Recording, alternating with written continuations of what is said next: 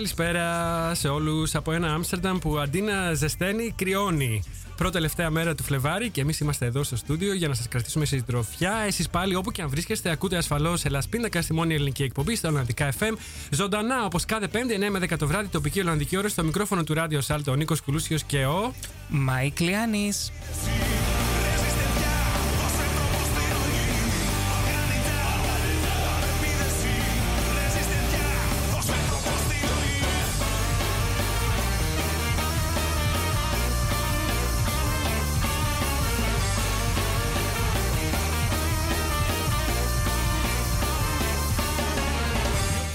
εκπέμπουμε ζωντανά από το δημοτικό σταθμό του Άμστερνταμ. Υπάρχουν τρεις τρόποι για να μας ακούσετε live.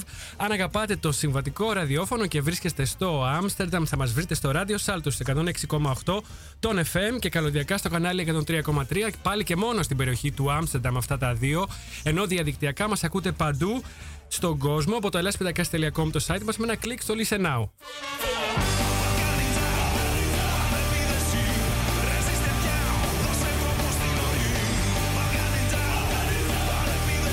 Απόψε η Νατάσα Αποφίλιου μιλά στο Ελλάς Πίντακα σε μια αποκλειστική συνέντευξη που πήραμε τηλεφωνικά και την οποία θα ακούσουμε σε δύο μέρη, ένα απόψε και ένα την ερχόμενη Πέμπτη, όπου θα κάνουμε και το διαγωνισμό μας για τις προσκλήσεις που θα δώσουμε για τη συναυλία. Στις 9 του Μάρτη η Νατάσα Αποφίλιου, ο Θέμης Καραμουρατίδης και ο Γεράσιμος Ευαγγελάτος έρχονται στο Άμστερνταμ, στο Μέλκβεχ, με την παράσταση Monologue, Μονόλογος.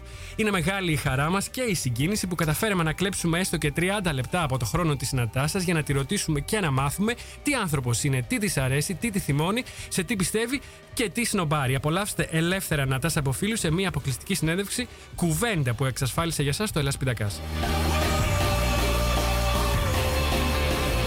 Αν είστε χρήστης λάτρης των social media, θα μας βρείτε σε όλα τα κοινωνικά δίκτυα. Στη σελίδα μας σε Facebook, Twitter και Instagram. Ενώ για να επικοινωνήσετε μαζί μας ζωντανά, μπείτε τώρα στη σελίδα μας στο Facebook ή γράψτε μας μέσα στο Twitter χρησιμοποιώντας το hashtag Ελασπίνακα και hashtag Bofilio Interview.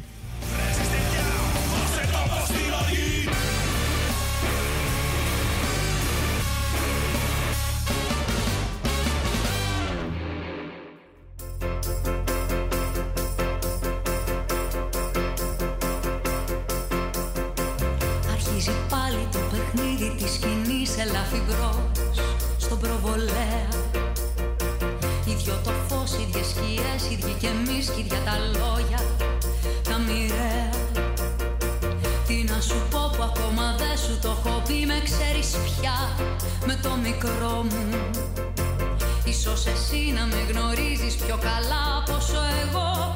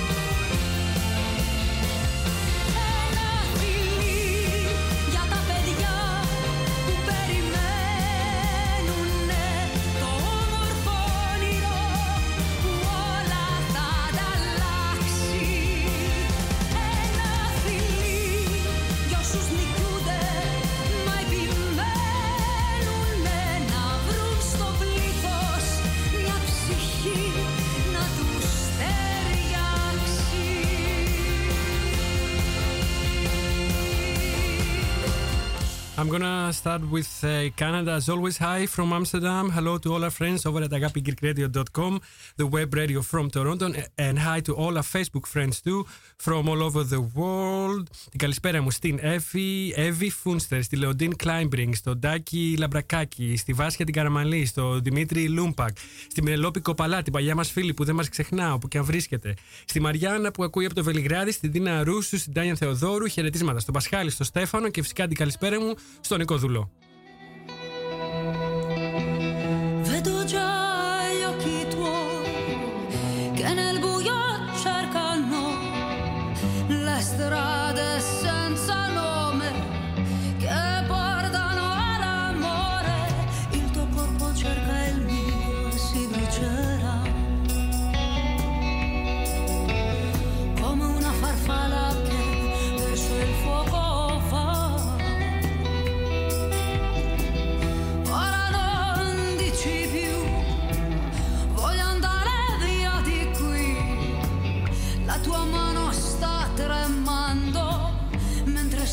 stringi la mia nel giardino dell'amore sei entrato tu.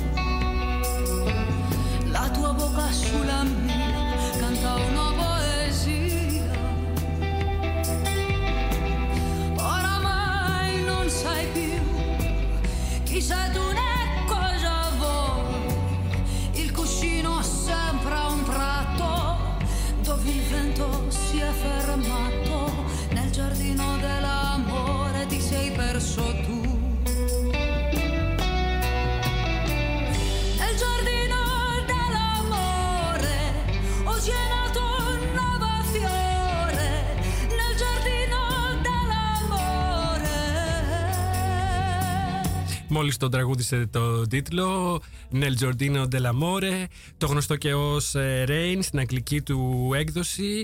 Αυτή είναι η βερσιόν της Νατάσα Μποφίλου στο πολύ γνωστό αυτό κομμάτι. Ξεκινήσαμε με το όμορφο όνειρο που ήταν live ηχογράφηση. Και εγώ απλά να υπενθυμίσω ότι εκτός από την Νατάσα Μποφίλου που έρχεται στις 9 Μαρτίου στο Melkweg ε, στις 28 Μαρτίου ο Αντώνης Μαρτσάκης εμφανίζεται για πρώτη φορά στην Ολλανδία στο κριτικό γλέντι που οργανώνει η ελληνική κοινότητα Άμστερνταμ. Θα βρείτε στο facebook και στο site της ελληνικής κοινότητας όλα τα σχετικά. 18 Απριλίου έρχονται οι Villages of Ioannina City. Ανοίγω και το δικό σου το μικρόφωνο αν θέλεις να σχολιάσεις. Ε, Mike. 18 ε, Απριλίου Villages of Ioannina City στο Rotterdam, στο Podium Grounds. Πολύ ωραίος χώρος. 8 Μαου Γιάννης Κότσιρας live στο Άμστερνταμ ε, στο Melkweg. Ο Γιάννης Κότσιρας, παρακαλώ πολύ. Ωραιότατα. Ναι, και μάθαμε ότι έρχεται και ο Μιχάλης Χατζηγιάννης, το είπα και σας ναι, το είπα ναι, και ναι. την προηγούμενη φορά, τον Μάιο. Έχουμε ε, ημερομηνία. Όχι, δεν έχω ημερομηνία, παρόλο που η Βάσο Μεσαριτάκη μου είπε, αλλά δεν τη συγκράτησα. Και στο ίντερνετ δεν, δεν έχει κυκλοφορήσει ακόμα. Okay. Ναι. Αναμένουμε. Ακριβώς. Με τη μεγάλη. Σε αφήνω να κάνεις το ναι. μονόλογο αφού τα έχεις γραμμένα. Τι να πω. Είναι ανοιχτό και το μικρόφωνο. Τέλεια. Δώσε εσύ. Λοιπόν, φίλοι και φίλες, ε, ακούμε τώρα φυσικά το δάκρυ της Νατάσας Μποφίλιου. Δεν έχει, όπως ε, έχουμε πει και στην προηγούμενη εκπομπή, δεν έχει μέτρο η αγάπη μας για την Νατάσα.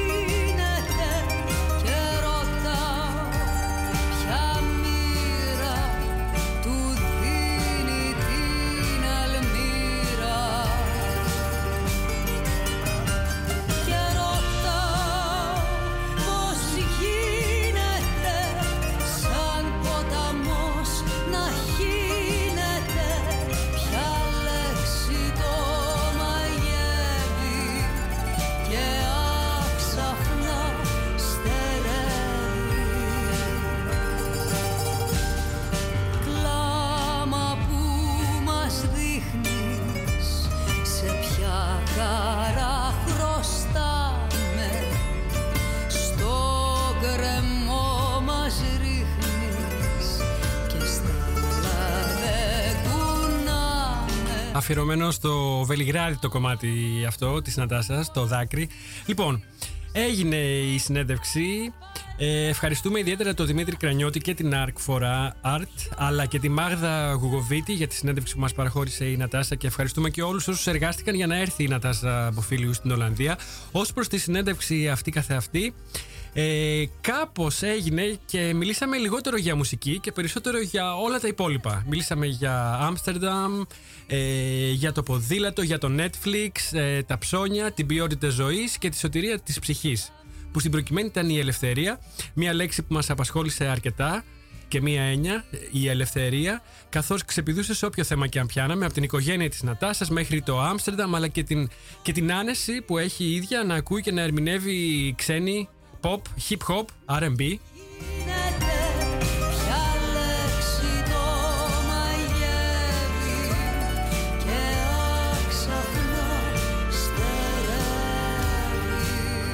Για τη μουσική της Νατάσας Μποφίλιου θα μιλήσει η ιστορία, ήδη έχει αρχίσει να καταγράφεται.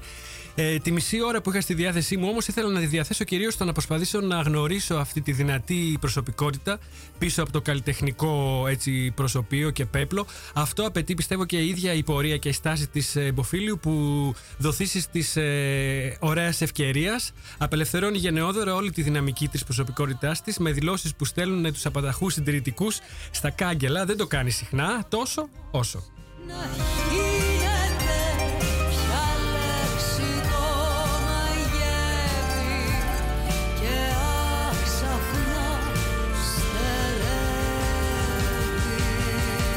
Λοιπόν, ο χρόνος τρέχει. Πάμε να ακούσουμε το πρώτο απόσπασμα από τη συνέντευξη που κάναμε με την Νατάσα τηλεφωνικά. Κρατάει μόλις 14,5 λεπτά.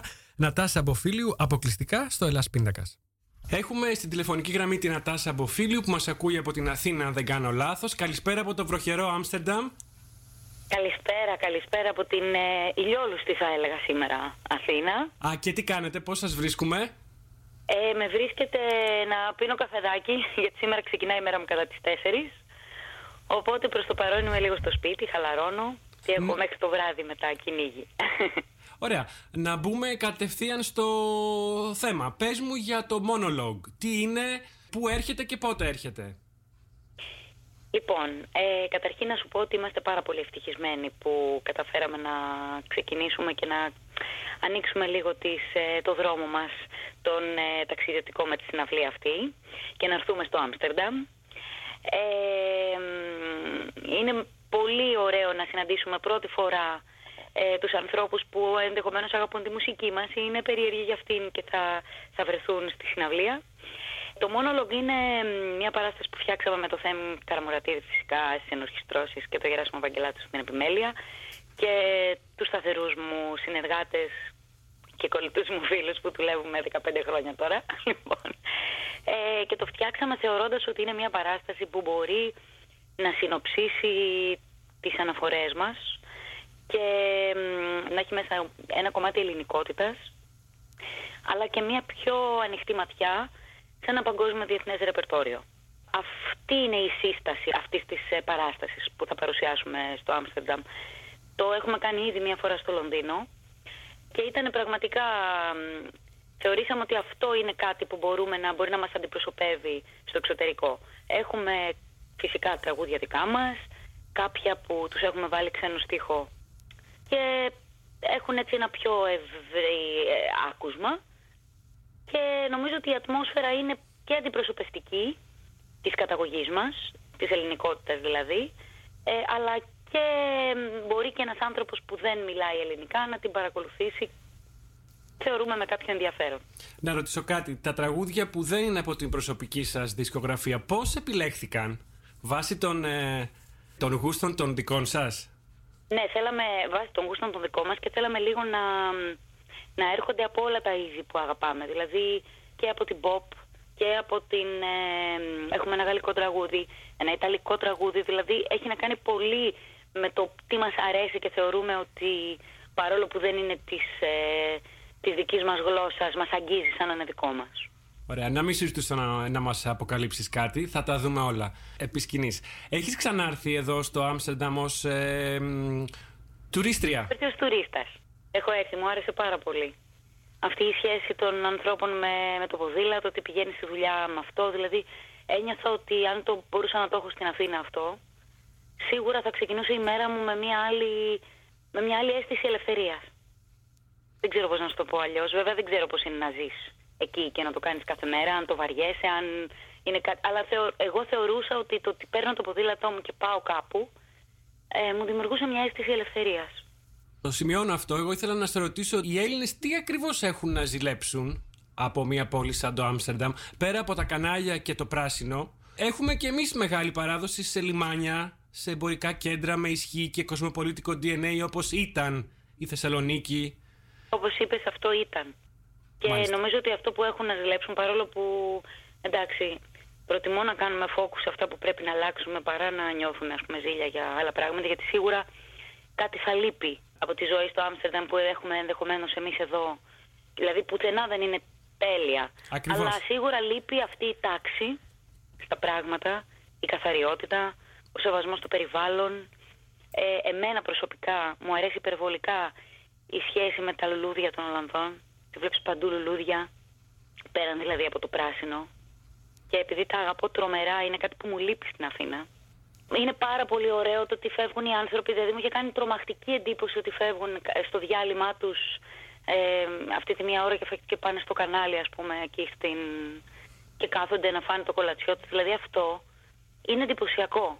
Και νομίζω ότι αναβαθμίζει την ποιότητα της ζωής σου και σε κάνει να νιώθεις ότι πολύ πιο, έχεις πολύ μεγαλύτερη επαφή και με τη φύση και με την ομορφιά που μπορεί να σου προσφέρει και όλα αυτά που να σε κάνει να, νιώσουν, να, να νιώσεις. Γιατί η φύση δεν είναι μόνο ότι δεν μπορούμε να ζήσουμε χωρίς αυτήν. Είναι ότι σου δίνει και πάρα πολλά πράγματα, πάρα πολλά συναισθήματα. Το έχουμε ανάγκη οι άνθρωποι να είμαστε σε επαφή με τη φύση. Στην Αθήνα, ας πούμε, φαντάζομαι στην ε, υπόλοιπη περιφέρεια της Ελλάδας δεν είναι το ίδιο. Αλλά εμείς στην Αθήνα δεν έχουμε αυτή τη σχέση με τη φύση. Δεν την καταλαβαίνουμε. Εγώ που την αγαπώ τόσο πολύ, και μου αρέσει να μ' αρέσει το πράσινο, δεν την παρατηρώ. Δεν παρατηρώ τα δεντράκια που είναι κάτω στη γειτονιά μου. Είναι σαν να μην τα βλέπω, γιατί είναι τόσο λίγα και τόσο ασφικτικά κλεισμένα μέσα στο τσιμέντο. Ω παιδί έπαιξες σε αλάνες, μάτωσες, έσπασες πόδια, χέρια; Όχι. Όχι; Όχι, όχι. Δεν μπορώ να σου πω ότι. Ήσουν πιο πολύ. Μόνο τα καλοκαίρια μπορώ να σου πω που είχαμε, ας πούμε, στο εξοχικό μας, που είχαμε αυτό το ότι παίρναμε το ποδήλατο να πάμε στη θάλασσα και αυτό το θυμάμαι με φοβερή γλύκα και πολύ αγάπη. Και γι' αυτό αγαπάς και δεν το... Δεν έπαιξα καθόλου στην Αθήνα. Δεν, δεν το νιώσα αυτό. Και γι' αυτό αγαπάς και το Άμστερνταμ. Δεν σε άκουσα, με συγχωρείς. Και γι' αυτό αγαπάς και το Άμστερνταμ. Και το ποδήλατο είναι ένα και στοιχείο αυτό μου άρεσε πάρα πολύ νοσταλγικό. ελευθερίας που νιώθεις. Α, τώρα που είπες ελευθερία. Ήθελα να σε ρωτήσω ακριβώς αυτό το θέμα. Πιστεύεις, αν και δεν είναι δίκαιη η ερώτηση ακριβώς, πιστεύεις ότι στην Ελλάδα η ζωή είναι πιο ελεύθερη από όσο μπορείς να δεις και να καταλάβεις ή στην Ολλανδία; Δεν το ξέρω αυτό, γιατί δεν τζιμπάω με τις, ε, με τις ελευθερίες που φαίνονται ότι είναι όλα ελεύθερα, δεν ξέρω τι γίνεται από κάτω. Γιατί πολλές φορές σου δίνουν μια ελευθερία και μετά αυτή την ελευθερία την αντιμετωπίζεις σε υπόλοιπους τομείς της ζωής σου σαν καθόλου ελευθερία. Δηλαδή θέλω να σου πω ότι μπορεί να έχεις ας πούμε, το δικαίωμα πια στην Ελλάδα να, να μπορείς να παντρευτείς τον σύντροφό σου ανεξαρτήτου φίλου ας πούμε με το σύμφωνο συμβίωσης. Αλλά αυτό δεν σημαίνει ότι στη συνεργασία σου σε αντιμετωπίζουν με την ίδια με ισότητα. Άρα λοιπόν αυτή είναι μια επίπλαστη ελευθερία που στην ουσία σου απελευθερώνει ένα κομμάτι αλλά δεν, δεν σου έχει απελευθερώσει άλλα πράγματα που είναι εξίσου σημαντικά. Οπότε δεν ξέρω, πρέπει να ζήσω σε έναν τόπο για να σου πω ναι, στην Ολλανδία τα πράγματα είναι πιο ελεύθερα. Κατάλαβες τι θέλω να πω; Ναι, ναι, φυσικά. Εγώ απλώς ε, ρωτάω εδώ τους expat που φιλοξενώ στην εκπομπή, αυτούς που έχουν μεταναστεύσει και είναι κυρίως νέοι, αν και όχι μόνο. Άλλοι μου λένε ότι εδώ ζουν πιο ελεύθερα, γιατί έχουν την επιλογή να κάνουν μια καλύτερη, πιο ποιοτική ζωή, λόγω και της δουλειάς τους. Είναι και δεδομένο. Άλλοι, και άλλοι μου λένε ότι στην, στην Ελλάδα. Ναι. Αυτό είναι μία αμφισβητήσιμο. Ότι όταν μπορείς, έτσι όπως είναι οι συνθήκες, οι, οι οικονομικές ε, στην Ευρώπη ας πούμε αλλά και σε όλο τον κόσμο. Όταν μπορείς να έχεις, επειδή όλα αγοράζονται με τα χρήματα, με την έννοια ότι δεν μπορείς να ζήσεις χωρίς χρήματα, δεν γίνεται, δεν έχουμε ένα, αναγκαστικά τα χρήματα είναι προτεραιότητα στη ζωή σου για να έχεις ε, κάποια πράγματα βασικά που επιθυμείς. Άρα, όταν αυτά τα πράγματα, όταν δεν έχεις χρήματα και από την εργασία σου δεν αμείβεσαι όπως πρέπει, δεν έχεις πρόσβαση σε πράγματα που θες να κάνεις. Το οποίο μπορεί να είναι από τα πιο βασικά, την παιδεία, την υγεία, μέχρι το να μπορείς να κάνεις μια φορά το χρόνο ένα ταξίδι να ανοίξει το μυαλό σου. Σίγουρα ε, το να έχεις μια ποιότητα ζωής που, που έρχεται από τα χρήματα, από την οικονομική δυνατότητα, σου, σου, σε κάνει να νιώθει πιο ελεύθερος. Γιατί είναι τελείως διαφορετικό να έχεις κάποια χρήματα και να πεις ότι μπορώ να πάω μια βόλτα, μπορώ να πάρω ένα έργο τέχνης που μου αρέσει, να το έχω στο σπίτι μου ένα πίνακα. Μπορεί... Καταλαβαίνεις τι εννοώ, δεν εννοώ ναι. να πάρω ένα πίνακα του Van Gogh. Ναι, ναι. Εννοώ κάτι που θα, θα δώσεις στο σπίτι σου μια ε, άλλη νότα. Μπορώ να πάρω, ας πούμε, μπορώ να πάω ένα ταξίδι, μπορώ να κάνω μια βόλτα σε μια άλλη πόλη και είναι άλλο να μην σε φτάνουν τα χρήματα να βγεις με τους φίλους σου μια Παρασκευή βράδυ να πας για ένα ποτό. Γιατί στην Ελλάδα τα πράγματα είναι πολύ κοντά σε αυτό. Ναι. Οπότε σίγουρα η ποιότητα ζωής σε απελευθερώνει. Αλλά στις ουσιαστικές ελευθερίες του ανθρώπου, νομίζω πως αν δεν ζήσεις σε έναν τόπο δεν μπορείς να πεις αν είναι πραγματικά ελεύθερος, να είναι ο εαυτός του, να διαμορφώνει τη ζωή του έτσι όπως την επιθυμεί. Γι' αυτό σου έκανα αυτή τη διάκριση. Έτσι Λένε κάποιοι όμως ότι είναι καλύτερα στην Ελλάδα; Ναι, υπάρχουν αρκετοί και υπάρχουν και έξπατ που δεν έχουν ζήσει στην Ελλάδα. Δηλαδή είναι από άλλες χώρες που ζουν εδώ. Οι Γερμανοί, οι Άγγλοι, οι Γάλλοι. Ναι. Έχουν βέβαια μια ιδεατή εικόνα για την Ελλάδα, αλλά μου λένε ότι έχουν πάει στην Αθήνα και στις μέρες της κρίσης και τώρα τα τελευταία χρόνια και μου λένε ότι δεν τους ενοχλεί καθόλου αυτό που συμβαίνει. Βέβαια, νιώθουν για τους Έλληνες ε, συναισθήματα έντονα, απλά δεν τους ενοχλεί, τους αρέσει και το χάος, τους αρέσει και η πολυκοσμία και η πολυφωνία και το ότι τα πράγματα δεν είναι σε μια είναι, τάξη. Ναι, αυτό είναι κάτι ωραίο στην Αθήνα. Εγώ την αγαπώ την Αθήνα γιατί είναι αληθινή πόλη. Δεν κρύβει τα προβλήματά της. Αυτό έχει μια ειλικρίνεια που είναι συγκινητική, αν τη δεις από μια καλλιτεχνική ματιά. Δηλαδή το ότι, για παράδειγμα, θα πας σε μια άλλη πρωτεύουσα και μπορεί, ας πούμε, να έχει άστεγους, δυστυχισμένους και να τους έχει κρυμμένους και το ιστορικό της κέντρο ας πούμε, για τους τουρίστες να είναι μια κούκλα και να μην ξέρεις τι γίνεται από πίσω. Εμένα μου αρέσει που η Αθήνα δεν το κρύβει αυτό. Είναι ειλικρινής πόλη. Επίσης είναι τρομερά γοητευτικό για αυτούς τους ανθρώπους ότι είναι μια πόλη που ζει ασταμάτητα. Ό,τι ώρα κι αν πας, τρεις τη νύχτα, ε, τέσσερις το πρωί, είναι πάντα ε, ζωντανή. Ναι, εδώ είναι δεν, έχει, γοητευτικό. εδώ δεν έχει τέτοια. Ναι, Ούτε αλλά καν η στο ζωή- Άμστερνταμ. Ναι. Αυτό είναι κάτι πολύ όμορφο, αλλά η πραγματική ζωή που ζουν οι Αθηναίοι έχει, είναι σε πολλά επίπεδα πάρα πολύ δύσκολα. Ειδικά οι Βεβαίως. Αθηναίοι που δεν μπορούν να. Οι οικονομικές απολαυές που έχουν είναι αυτές οι ελεηνές οικονομικές απολαυές που έχει αποφασίσει το κράτος να, να δίνει. Θα πάμε και εκεί. Ήθελα να σε ρωτήσω ένα πράγμα μόνο από τα, μ, από τα μικράτα σου που λένε. Έλεγες σε μια συνέντευξή σου, ανέκαθεν ήμουν από τα κορίτσια που δεν είχαν όνειρο να παντρευτούν και να κάνουν παιδιά. Και ήθελα να σε ρωτήσω αυτή την ελευθερία που βγάζει αυτή η φράση. Ιδίως σε σχέση με την επιλογή να μην νιώθετε ότι πρέπει να κάνετε ή να μην είναι το όνειρό σας να κάνεις παιδιά και οικογένεια. Αυτή την ελευθερία από πού τη διδάχθηκες, από πού πηγάζει; Νομίζω ότι έχω μεγαλώσει σε ένα σπίτι πάρα πολύ άνετο. Επί της ουσίας με κάποια πράγματα. Δηλαδή και ακόμη και σε αυτά που διαφωνώ με τους, γο- θα μπορούσα να διαφωνώ με τους γονείς μου ε, ή ας πούμε να θέλουν να... Ας πούμε τώρα έχουν... Ξέρεις, είναι στη φάση... Δεν πρέπει να κάνεις ένα παιδί... Θα το θες αύριο, αλλά παρόλα αυτά μόλις τους λέω κόφτε το τώρα. Τελειώσαμε. Φιλιά πολλά, το σέβονται. Ό,τι και αν αποφασίσω το, το, το σέβονται. Ναι. Οπότε επειδή μεγάλωσα νομίζω έτσι, με αυτή την άνεση, μπορούσα πάντα να τους πω αυτό που σκέφτομαι. Δεν, ε, γι' αυτό το λόγο μ, μπορούσα να ονειρευτώ τη ζωή μου όπως την, ε, τη θέλω. Και επειδή και λόγω της δουλειάς που κάνουμε, που είναι μια δουλειά σε- σε διαρκή κίνηση, δεν έχει ρουτίνα. Παρόλο που εγώ την αγαπώ τη ρουτίνα και θα την ήθελα να σου πω την αλήθεια, η δουλειά μας δεν έχει καθόλου ρουτίνα. Ε, αυτό σου δίνει μια δυνατότητα και μια ελευθερία να μην θεωρήσεις ότι... Να, καταρχήν να μην καταλάβεις πως ε, τα χρόνια προχωρούν. Να μην αισθανθείς δηλαδή πάρα πολύ γρήγορα ή πολύ εύκολα ότι ε, δεν έχω κάνει κάποια πράγματα που, που πρέπει να κάνω. Αυτή η διαρκής κίνηση ε, είναι απελευθερωτική.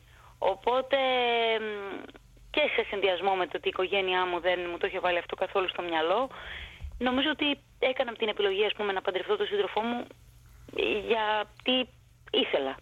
Όχι γιατί έπρεπε, ούτε γιατί το είχα όνειρο, γιατί εκείνη τη στιγμή θέλαμε να κάνουμε ένα μεγάλο πάρτι που θα αναγκαστούν όλοι οι φίλοι μας να είναι παρόντες. Ναι. Οπότε έχει να κάνει και με την οικογένεια, έχει να κάνει και με τον τρόπο που έχω επιλέξει να ζω. Και με το ότι ήταν μια μεγάλη οικογένεια και αυτό παίζει ένα ρόλο. Δηλαδή; Ήσασταν νομίζω πέντε; Ήσασταν πενταμελής ναι, οικογένεια. Είμαστε πέντε αδέρφια, αλλά είμαστε παραπάνω. Γιατί παραπάνω. έχω μεγαλώσει με τις γιαγιάδες μου, τον παππού μου, τον θείο μου, τη θεία μου. Ήμασταν εντεκαμελής η οικογένεια και ζούσαμε όλοι μαζί. Το ότι ζούσατε όλοι μαζί, εκεί ήθελα να καταλήξω. Ε... Νοβιακά, χίπηδες. Ναι, δεν υπήρχε καμία ιδιοτέλεια δηλαδή. Όλα τα μοιραζόσασταν. Ναι, προσπαθούσαμε και προσπαθούμε να μην ε, υπάρχει αυτή η λέξη στην, ε, στην οικογένεια. Δηλαδή νομίζω ότι αυτό που μας χαρακτηρίζει και είναι η προσπάθεια να είμαστε ανιδιοτελείς.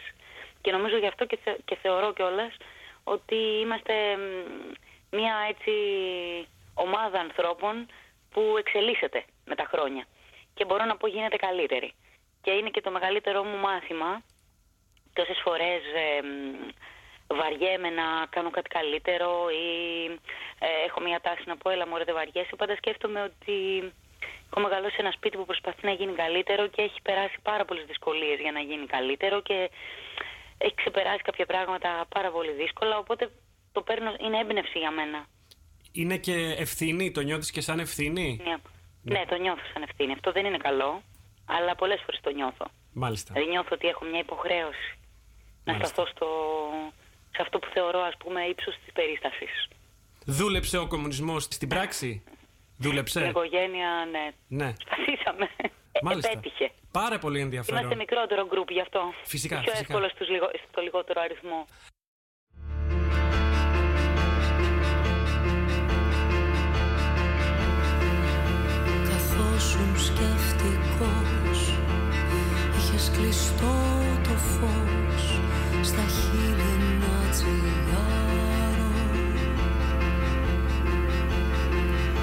Σαν πλοίο φορτηγό Που βγαίνει μ' οδηγό Ένας σβησμένο φάρο.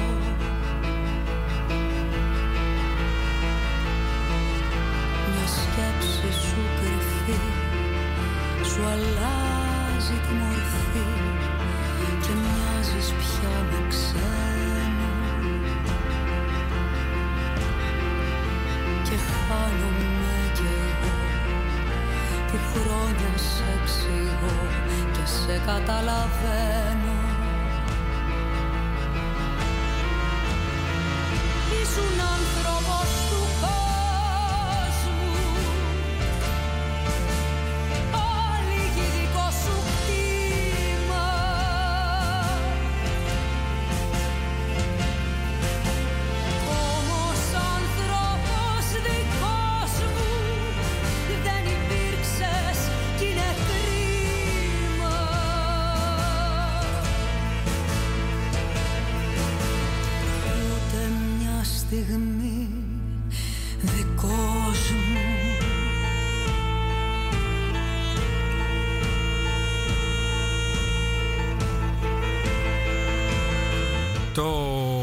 κομμάτι λέγεται «Άνθρωπος του κόσμου» και έτσι σε αυτό το πρώτο μέρος της συνέντευξης μπήκαμε καταρχήν ε, κατευθείαν ε, στο θέμα. Μιλήσαμε για, για το πρόγραμμα της συναυλίας εδώ στο Άμστερνταμ στο Melkweg 9 του Μάρτη που μας, και μας είπε ότι θα έχει και ένα καθαρά ελληνικό κομμάτι Μάλιστα. αλλά και ένα κομμάτι με τραγούδια που θα συνοψίζουν τις αναφορές των τριών Μποφίλου, Καραμουρατίδη, Ευαγγελάτου δηλαδή από που ποιες είναι οι αφιτηρίες τους, τα ακούσματά ναι. τους, οι αναφορές τους, κομμάτια που τους αρέσουν, που τους σημάδεψαν, που...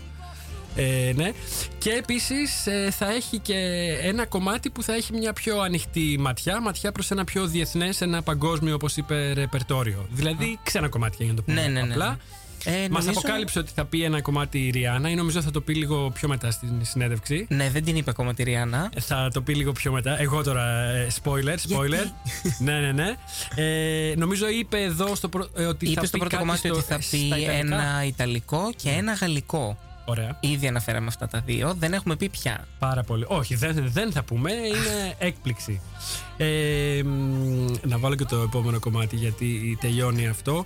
Ε, λοιπόν, μιλήσαμε για το Άμστερνταμ. Μας είπε για την αγάπη της για το ποδήλατο, για την ποιότητα ζωής που βρίσκει ότι υπάρχει εδώ. Τη ρώτησα πού είναι η ζωή πιο ελεύθερη και μας έδωσε μια έτσι ακριβοδίκια απάντηση. Λίγο ε, safe απάντηση όμως. Ναι, γιατί όμως δεν μπορεί να γνωρίζει και δεν μπορεί και να συγκρίνει. Ναι, δηλαδή, σαν τουρίστας δεν βλέπεις ε, την πόλη ναι, όπως τη βλέπουμε εμείς. Αυτό ακριβώς είπε. Ε, και μίλησε και για τις ουσιαστικές ελευθερίες που δεν τις βλέπεις αν δεν ζήσεις εδώ. Ε, από την άλλη, είπε, είπε ότι η Αθήνα της αρέσει γιατί είναι μια πόλη που δεν κρύβει τα προβλήματά της και έχει ζωή όλο το 24ωρο. Και αυτό είναι μεγάλη αλήθεια να πω. Και αυτό αρέσει, αυτά τα δύο και τα δύο αρέσουν και στους ξένους. Ότι και δεν κρύβει τα προβλήματά της, δηλαδή και το χαφ και το κυκλοφοριακό είναι μέρος του τι είναι η Αθήνα. Εμένα η ωρίτσα που ήμουν στο αυτοκίνητο στην Αθήνα μου άρεσε πάρα πολύ να πω την αλήθεια. Ναι, μας μας αρέσει γιατί εντάξει, δεν, όταν είμαστε εκεί δεν έχουμε δουλειές. Καφέ, ραδιόφωνο. Και ακόμα και η κίνηση, ας πούμε, μας φαίνεται ναι. κάτι το. Δεν μπορώ ναι. να πάω ούτε μπροστά ούτε πίσω. Θα κάτσω εκεί. Ακριβώς. Αν δεν μπορείς να το αποφύγεις, απόλαυσέ το. Και τη ρώτησα και για την οικογένειά της. Ναι. Έτσι κλείνει αυτό το πρώτο μέρος της συνέντευξης. Ε, εδώ πάλι μιλήσαμε για την ελευθερία. Όταν μας είπε ότι στο σπίτι της μεγαλώνοντας υπήρχε μία άνεση και καμία πίεση. Υπήρχε άνεση και καμία πίεση. Μίλησε για μια κοινοβιακή κατάσταση, χυπική, ε, στην οικογένειά της. Μια οικογένεια που άνοιξε έτσι διάπλατα για να χωρέσει θείους, θείες, γιαγιάδες, παππούδες. Ναι, Πολύ, πο, πο, πολύ κόσμο. Όλοι τους βέβαια έμπρακτοι υποστηρικτές της ανιδιοτέλειας, της ισότητας, της αλληλεγγύης. Μοιράζονταν τα πάντα. Και στόχος τους είπε ήταν πάντα να γίνονται καλύτεροι και να εξελίσσονται. Και αυτό λειτουργήσε και λειτουργεί ως πρότυπο και στην ίδια. Ε, νομίζω είναι πολύ σωστή φιλοσοφία. Ναι. Γενικά, ο καθένας μας θα έπρεπε να κοιτάει σήμερα να είναι καλύτερος από χθες. Έχει βάσεις, έχει ρίζες. Τίποτα δεν είναι τυχαίο, νομίζω. Και τώρα ακούμε τη Βαβέλ. Υπέροχο. Σου αρέσει, το ξέρω. Πώς με τόσες αδιαίες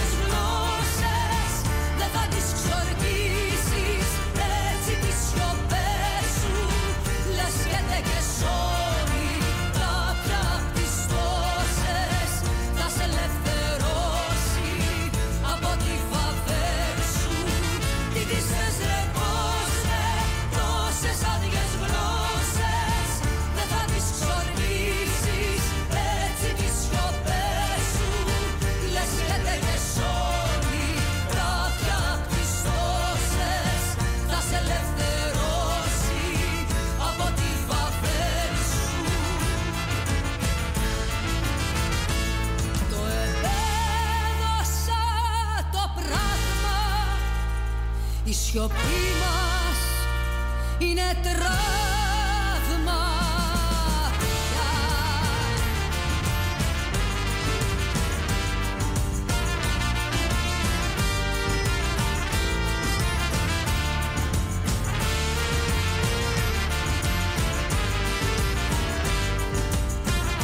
Ακούμε Νατάσα Μποφίλιου και περιμένουμε να τη, να τη δούμε και να την ακούσουμε ζωντανά εδώ στο Άμστερνταμ στις 9 του Μάρτη στο Μέλκφεχ. Η προπόληση εισιτηρίων έχει αρχίσει φυσικά. Λοιπόν, θα κόψουμε σιγά σιγά τη Βαβέλ γιατί δεν έχουμε χρόνο και έχουμε δύο ακόμα μικρά αποσπάσματα να ακούσουμε από τη συνέντευξη. Ε, λοιπόν, στο επόμενο απόσπασμα μιλάμε για τη μουσική. Τι άλλο; Λοιπόν, Νατάσα Αμποφίλιου αποκλειστικά στο Ελλάς Πιτακάς. Πάμε λίγο στα μουσικά. Θέλω να σε ρωτήσω, ε, στα βήματα ποιον, ποιου, ποιας νιώθεις ότι βαδίζεις μουσικά, καλλιτεχνικά, αν θες να μας αναφέρεις.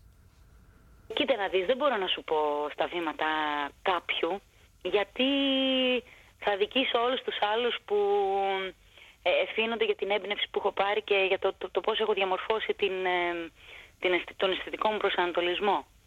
Οπότε δεν μπορώ να σου πω στα βήματα αυτού του καλλιτέχνη. Ε, υπάρχει μια, ένα, ένα συνοθήλευμα ναι. καλλιτεχνών, μουσικής, ε, στίχων που, που νομίζω ότι με έχουν διαμορφώσει.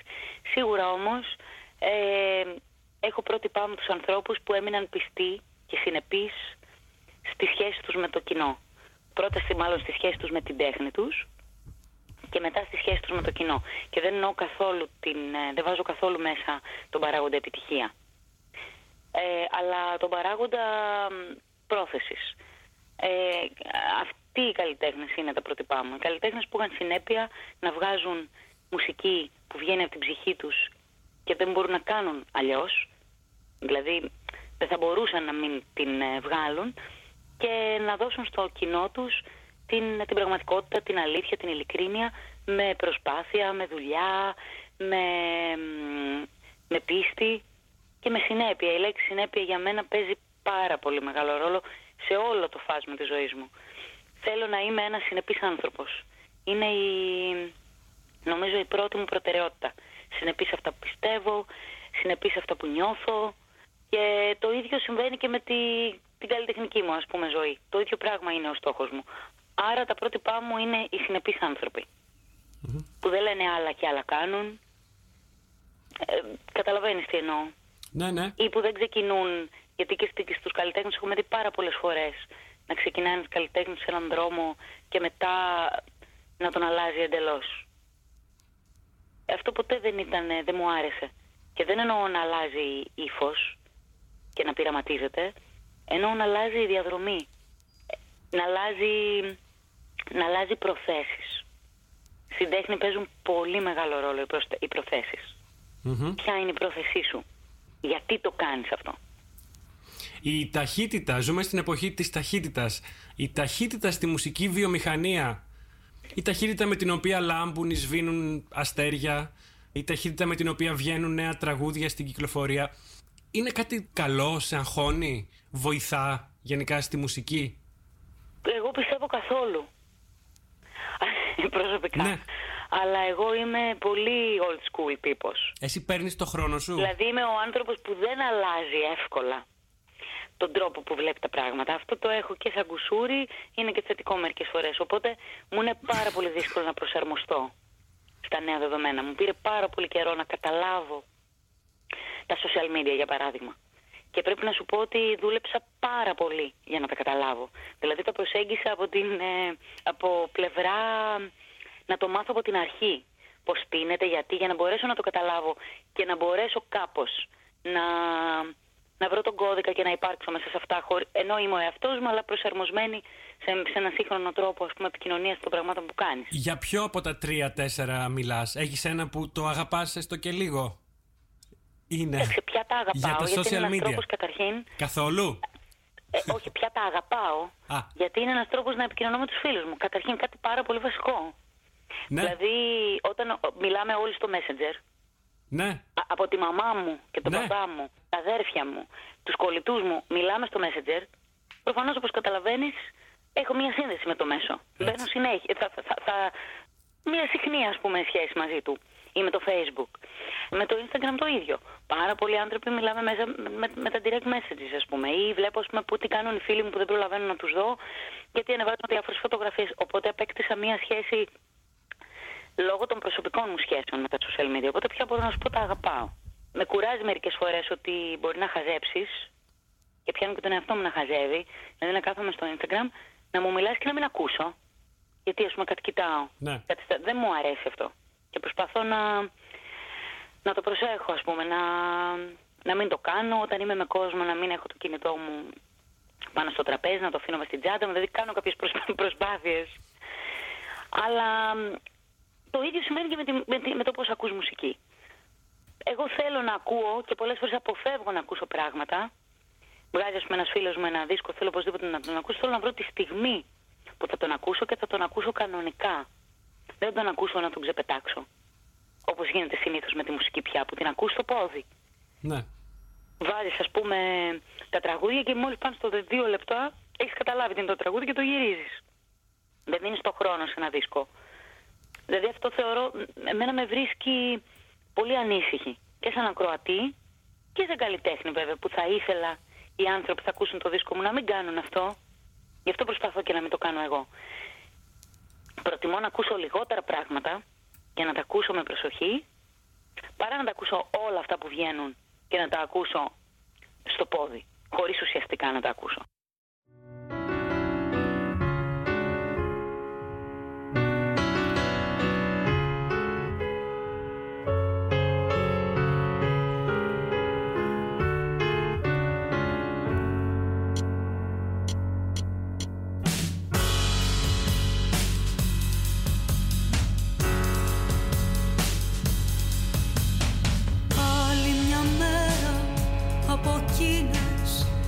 Τις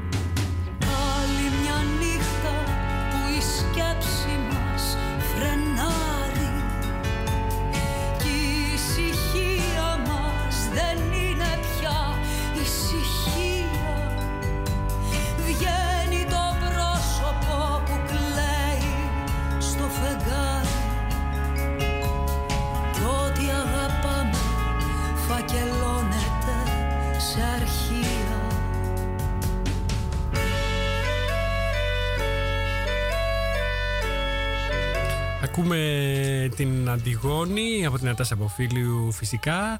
Λοιπόν, σε αυτό το δεύτερο μέρος της συνέντευξης που ακούσαμε μιλήσαμε για μουσική. Ω πρότυπα είπε στη μουσική, στην τέχνη της, έχει όσους μείνανε πιστοί και συνεπείς ε, στη σχέση τους με το κοινό και στη μουσική τους. Ονόματα δεν είπε φυσικά και δεν χρειάστηκε. Δεν υπάρχει λόγος νομίζω. Ναι. ε, τα λέει όλα νομίζω όμως το όσοι δεν πρόδωσαν την τέχνη και το κοινό τους. Αυτό. Νομίζω μεγάλη. Όποιος κατάλαβε, κατάλαβε ναι, τέλος πάντων. Μεγάλη καλλιτέχνης. Ναι, α, ναι. Με δύο λέξεις. Ναι. Ε, στην τέχνη είπε παίζουν πολύ μεγάλο ρόλο οι προθέσεις. Το τι πραγματικά επιδιώκει κανείς με αυτό που κάνει. Ναι. Ε, και μιλήσαμε και για τα social media. Είπε τη πήρε καιρό να τα καταλάβει. Τώρα όμως τα αγαπάει. Ε, όλη την ώρα στο Messenger. Ποια ήταν η ναι, φράση; ναι, τα χρησιμοποιεί ναι, στο Messenger. Το είπε. Όλοι μας. Ε, για να μιλήσει με οικογένεια, φίλους και επίσης τα χρησιμοποιεί για, για να παρακολουθεί τι κάνουν οι φίλοι της. Αυτοί μάλλον που είναι μακριά, ίσως που δεν Ναι. του βλέπεις συχνά. Ε, μ, της- και είπε όμως ότι δεν της αρέσει να χαζεύει. Αυτό που παθαίνουμε όλοι, που αποβλακωνόμαστε, Ναι. που κολλάμε. Ε, μ, και για τη μουσική είπε ότι δεν της αρέσει που ακούμε πλέον μουσική στο πόδι. Αυτή η ταχύτητα που μας κάνει να ακούμε δύο λεπτά και να το αλλάζουμε, να Ναι, κάνουμε ναι, skip skip στο, στο Το επόμενο. τραγούδι είναι 4 κομμάτι. λεπτά και ακούμε 1,5 με 2. Ακριβώς. Πιστέψαμε έχουν γίνει ο εχθρός μας και οι αγαπημένες περιτές μας ασχολίες έχουν γίνει η τροφή του τέρατος μας. Λοιπόν, αυτή ήταν η Αντιγόνη και τώρα θα περάσουμε στο τρίτο μέρος της συνέντευξης. Είναι πολύ μικρό, είναι 4 με 5 λεπτά, θα είναι και το τελευταίο για απόψε. Ε, τη ρωτάω τι άνθρωπος είναι. Για να ακούσουμε τι μας είπε. Τι άνθρωπος είσαι, Νατάσα, είσαι νευρικός ε, χαρακτήρας ή είσαι χαλαρός; Όχι Χαλαρή. καλά, τι χαλαρός. Νευρική είσαι. Ε, βέβαια. Γι' αυτό καπνίζεις Ε, και το τσιγάρα ακριβώς βαριά. Είσαι το, το χαλαρός σε όλα τα επίπεδα. Τι είσαι ηρεμή οπότε; Ε, μ, με ηρεμή αυτές οι δύο ώρες που έχω το, πρωί, το μεσημέρι, ας πούμε, γιατί δεν ξυπνάω πρωί, ξυπνάω κατά τις 12. Ε, αυτές οι δύο ώρες συνήθως που είμαι στο σπίτι, θα κάνω γυμναστική Σου τη πήρα ρε γαμότο. και τον Συγγνώμη. καφέ μου. Όχι, όχι, είναι δύο η ώρα. Α, Έχει, ωραία. εγώ τις έχω προλάβει. Και σήμερα σου λέω, ξεκινάω λίγο αργά τη μέρα μου, οπότε ε, που θα κάνω τη γυμναστική μου θα... και μετά θα κάτσω καμιά ώρα να πιω τον καφέ μου, να ράξω, να χαζέψω, να ετοιμάσω την επό... να, να μιλήσω με τι θα γίνει τις επόμενες ε, ώρες και αυτά, να οργανώσω το πρόγραμμά μου. Α- Αυτό είναι η ώρα που με χαλαρώνει και το βράδυ όταν θα γυρίσω στο σπίτι και θα κάτσω με τον άντρα μου ας πούμε, να φάμε, να τα πούμε, να πούμε για τη μέρα μας, να δούμε Netflix. Είμαστε όλοι καμένοι με το Netflix. Ε, είμαστε, είμαστε. Πώς έρχονται, να το είδες, κάνουμε; έρχεται, έρχονται σαν επιδημία στη ζωή μας. Μα είναι και οι σειρές και οι Ναι. ταινίες. Είναι η μία καλύτερη από την άλλη. Ναι, είναι φοβερό ρε εσύ. Είναι φοβερό πραγματικά. Και βλέπεις και υπέροχα πράγματα. Δηλαδή, Θα μας αποκαλύψεις Ε, λίγο από ό,τι καλλιτεχνικά. βλέπεις. Τι είδες χθες το βράδυ, ας πούμε, θα μας πεις; Ή προχθές; το βράδυ, επειδή είχε έρθει ένας φίλος μας στο σπίτι και κάτσαμε μέχρι αργά, δεν είδαμε... Έχουμε τις χαλαρές σειρές που τις βλέπουμε, ξέρω, κάνα μισάωρο. Ναι. Τώρα βλέπουμε φιλαράκια ξανά. ξανά για άλλη μια φορά. Κάνα μισάωρο και τέτοια. Ναι, ναι. Αυτά είναι τα χαλαρά. Εγώ βλέπω το Suits, Α, αυτό Λιώνω που να είναι. γιατί τελείωσε το βρήκα στο βέβαια. Netflix, επειδή ξέρεις, βλέπω αυτά που έχουν μεγάλη σεζόν, γιατί τα βλέπω κάθε βράδυ για λίγο να κοιμηθώ. Αλλά τελευταία σειρά που είδαμε, ολοκληρωμένη, Ναι. ήταν το. Ε, αχ, το Queen Elizabeth. Πώς λέει, το Crown. Η- το The Crown, ναι, ναι, ναι. Και τα δύο Και ήταν τώρα να επίση. βγουν τα καινο- καινούργια επεισόδια από τις άλλες που βλέπουμε. Το ένα Εγώ καλύτερο. είμαι, από το άλλο. ορκίζομαι στο. τρε- Τρελαινόμουν για το House of Cards. Ναι. Είναι δηλαδή για μένα από τις κορονίδες των ε, serial που έχω δει. Και το αγαπημένο μου νομίζω είναι το Peaky Blinders. Αλλά γη αυτό ακόμα και περιμένω να... περιμένω Αυτό δεν πώς έχω μπορεί να- δει από όλα όσα είπες. Μμ; Αυτό το τελευταίο δεν έχω δει από όλα όσα είπες. Είναι καταπληκτικό, πρέπει να το δεις. Ωραία, το Μόνο το Peaky σημειώνω. Blinders είναι τέλειο. Και το Handmaid's Tales μου αρέσει πάρα πολύ. Βεβαίως. Που είδα τον τελευταίο καιρό και πρέπει να σου πω αν δεν το έχεις δει, οπωσδήποτε να δείτε το When They See Us, το οποίο δεν έχει σχέση με... δεν είναι μυθοπλασία, είναι αληθινή ιστορία και είναι συγκλονιστικό για πολλούς λόγους. ε, ιδεολογικούς, ε, πολιτικούς, ιστορικούς, να το δει κάποιος. Είναι μια εκπληκτική σειρά από, νομίζω είναι τέσσερα επεισόδια ή έξι, δεν θυμάμαι. Να το δεις αν δεν το έχεις δει, είναι σπουδαίο. When they see us. When they see us. Ωραία.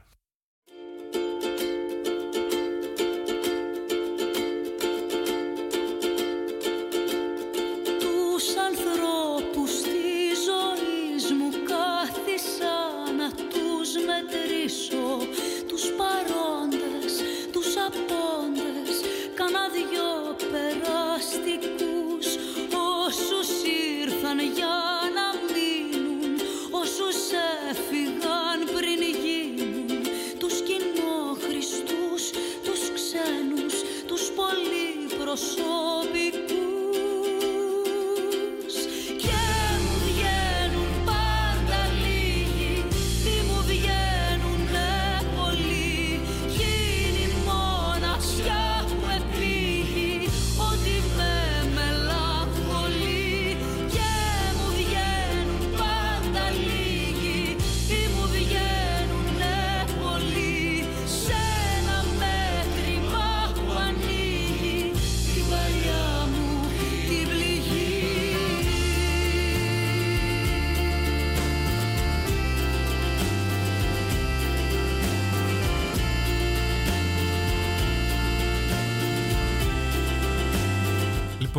μας είπε κάτι που δεν το ξέραμε και δεν το υποψιαζόμουν εγώ προσωπικά κιόλας.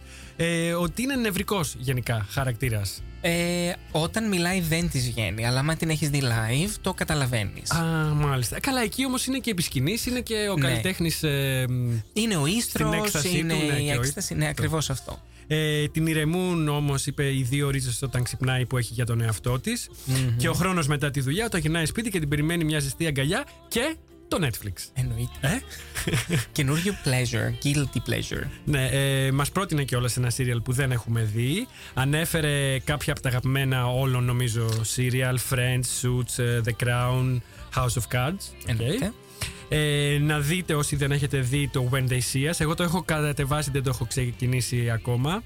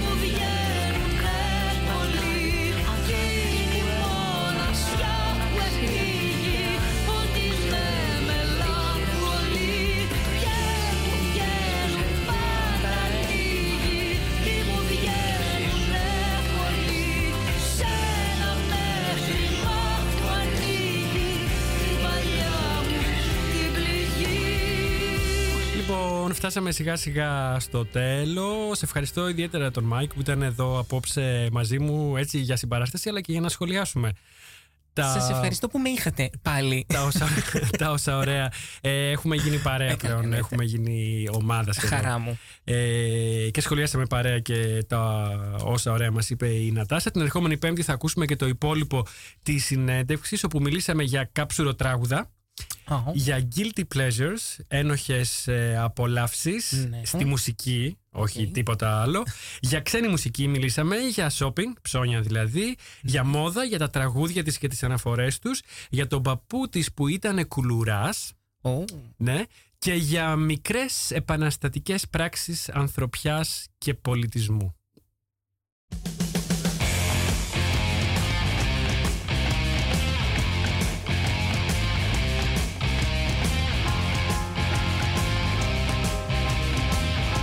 Και για την πίστη στο Θεό.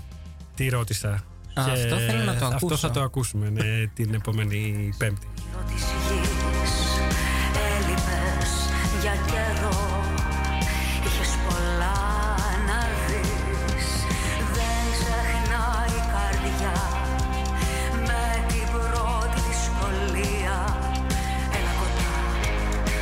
κομμάτι λέγεται Πάμε ξανά και μην ξεχνάτε η Νατάσα Μποφίλου θα βρίσκεται στο Άμστερνταμ στις 9 του Μάρτη στο Μέλκβεχ. Η προπόληση έχει ήδη αρχίσει μέσα από το site του Μέλκβεχ.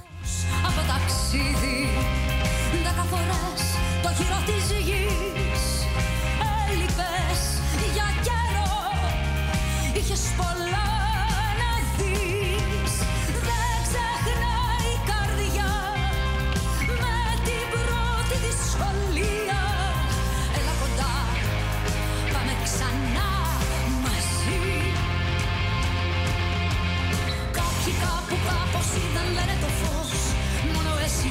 στον τρόπο, έλα δείξε μου πώς. Πάμε ξανά, τώρα θα είναι αλλιώς. Υπάρχει χρόνος κάποιοι κάπου κάπως σε μια άλλη ζωή. Είχα πολύ κανείς τους όμως δεν φυλάει όπως εσύ. Πιάσε το χέρι μου και γίνε της ψυχής μου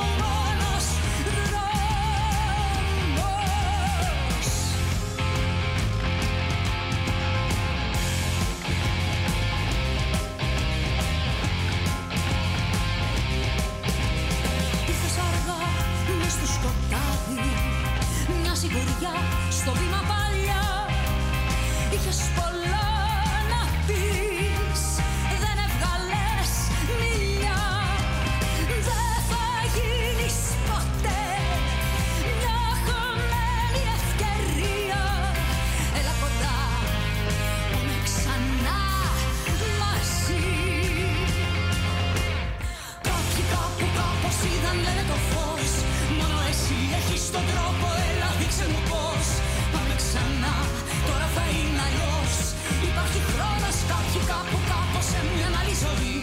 Εμείς κάπου εδώ σας λέμε Who Enough και ανανεώνουμε το ραντεβού μας για την επόμενη Πέμπτη, πάντα σε 9 το βράδυ, τοπική ώρα από το ράδιο Σάλτο.